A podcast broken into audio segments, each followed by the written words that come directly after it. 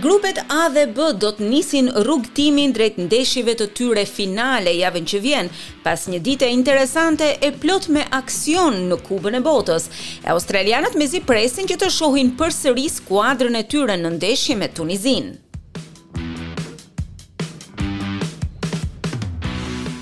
Anglia mundi Iranin në ndeshjen e parë, por historikisht janë amerikanët ata që sjellin gjithnjë rreziqe për anglezët.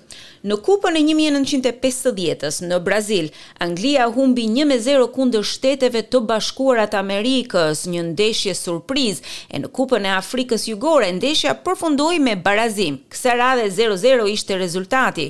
E ndërkohë kapiteni i skuadrës Harry Kane shprehet.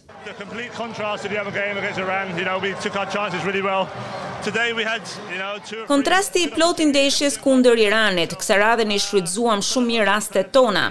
Sot patëm dy ose tre mundësi të mira e megjithatë nuk u tërhoqëm. Në përgjithësi luajtëm si ekip i fortë e do të vazhdojmë përpara, thotë ai. Ndërkohë, trajneri i Shteteve të Bashkuara, Greg Berhalter, thotë se ishte i kënaqur që skuadra e tij e përballoi sulmin e Anglisë. Well, I think both teams worked hard. Both teams gave each other difficulties at times. And all in all, pleased with the effort. Anytime you Mendoj se të dyja skuadrat punuan shumë mirë. Të dyja skuadrat i krijuan vështirësi njëra-tjetrës dhe jam i kënaqur me përpjekjen e skuadrës time. Natyrisht, sa herë që je në gjendje të dalësh në barazim apo të fitosh në Kupën e Botës është diçka shumë e mirë.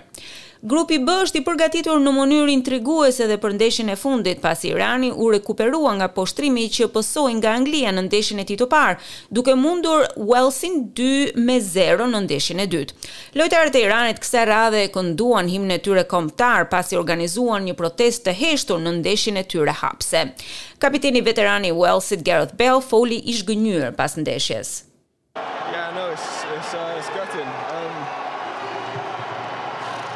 Jam i mërzitur, është e vështirë për ta thënë. Luftuam deri në sekondën e fundit, e megjithatë do të na duhet tani të rekuperojmë e të përpiqemi të shkojmë përpara. Anglia është në krye të grupit B me katër pikë, pas saj vjen Irani me tre pikë, Shtetet e Bashkuara me dy dhe Uellsi me një.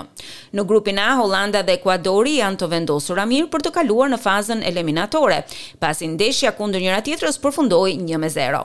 Katari është skuadra e parë që është eliminuar zyrtarisht nga gara në turne me rezultatin e tre golave të humbur nga Senegali.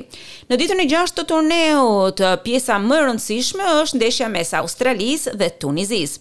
Australia ka shumë gjasa që të duhet të kërkojë një barazim nga kjo ndeshje për të mbajtur gjallë shpresat e saj për të kaluar në fazën eliminatore. Arnold po premton një qasje më agresive kundër Tunizisë, ndërkohë që në krahasim me Francën, Australia u tregua disi më e butë. Nesër është çështje tjetër. Do të duhet të dalim përballë, të ndjekim e të sulmojmë, sepse duam të fitojmë. Australia ka peshën e historisë në Kupën e Botërorit me këtë përballje. Socceroos kanë fituar vetëm dy ndeshje në Kupën e Botës dhe më e fundit ishte në vitin dy mijë e dhjetë. Arnold thotë se do të ketë një forcë motivuese për palën e tij. Ai thotë se dëshiron t'i sjellë gëzim të gjithë australianëve si atë ditë kur skuadra e tij kaloi në epërsi kundër Francës në ndeshjen hapëse. Yeah, look, it's gonna be a fantastic experience and it's gonna be great for us to play in front of such a Them se do të jetë një ndeshje fantastike. Kemi fituar dy ndeshje nga shtatëmbëdhjetë në Kupën e Botërorit. E dua të vendos përsëri buzëqeshjen në fytyrat e australianëve. Dua reagimin e tifozëve australianë pasi Craig Goodwin shënoi Golin e tij. Ai ishte një moment i veçantë që njerëzit e mbajnë mend për një kohë të gjatë. Ka edhe tre ndeshje të tjera në ditën e gjashtë të turneut, pasi grupet C dhe D do të vendosin raundin e dytë të ndeshjeve.